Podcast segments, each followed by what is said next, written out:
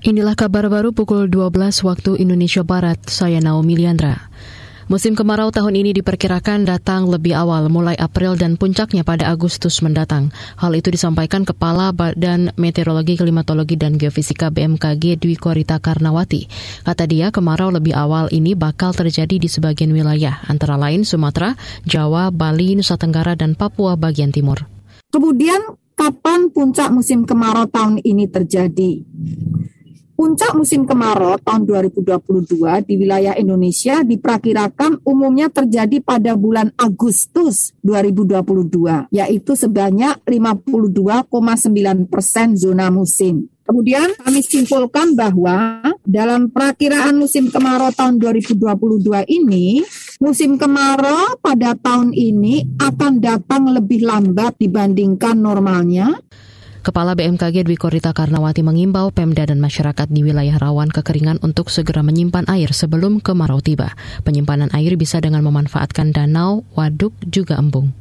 Pemerintah mengklaim telah melakukan berbagai upaya untuk melindungi hak-hak dua WNI Agus Ahmad dan Nawali Hasan di Arab Saudi. Keduanya dieksekusi mati kemarin pagi waktu setempat. Mereka difonis bersalah melakukan pembunuhan terhadap WNI pada 2011 silam.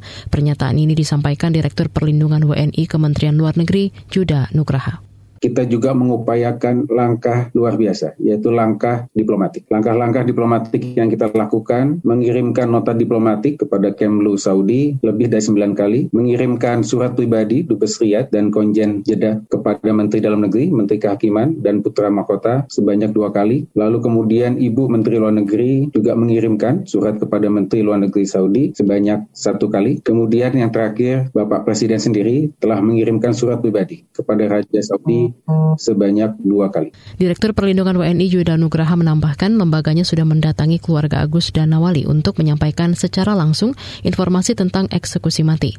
Selain itu, perwakilan di Jeddah dan Riyadh juga harus sudah mendampingi proses pemulasaran dan pemakaman jenazah keduanya. Sesuai hukum setempat, jenazah harus segera dimakamkan di Arab Saudi. Saudara, hari ini diperingati sebagai Hari Tidur Sedunia atau World Sleep Day. Slogan yang diusung adalah tidur berkualitas, pikiran sehat, Dunia Bahagia. Hari Tidur Sedunia diinisiasi oleh sekelompok tenaga kesehatan dari komunitas yang menekuni riset dan pengobatan terkait tidur. Profesional di bidang kesehatan serta para peneliti ingin menyerukan pentingnya tidur berkualitas demi kesehatan seseorang. Kurang tidur bisa berdampak negatif terhadap kemampuan belajar, rentang perhatian, dan ingatan.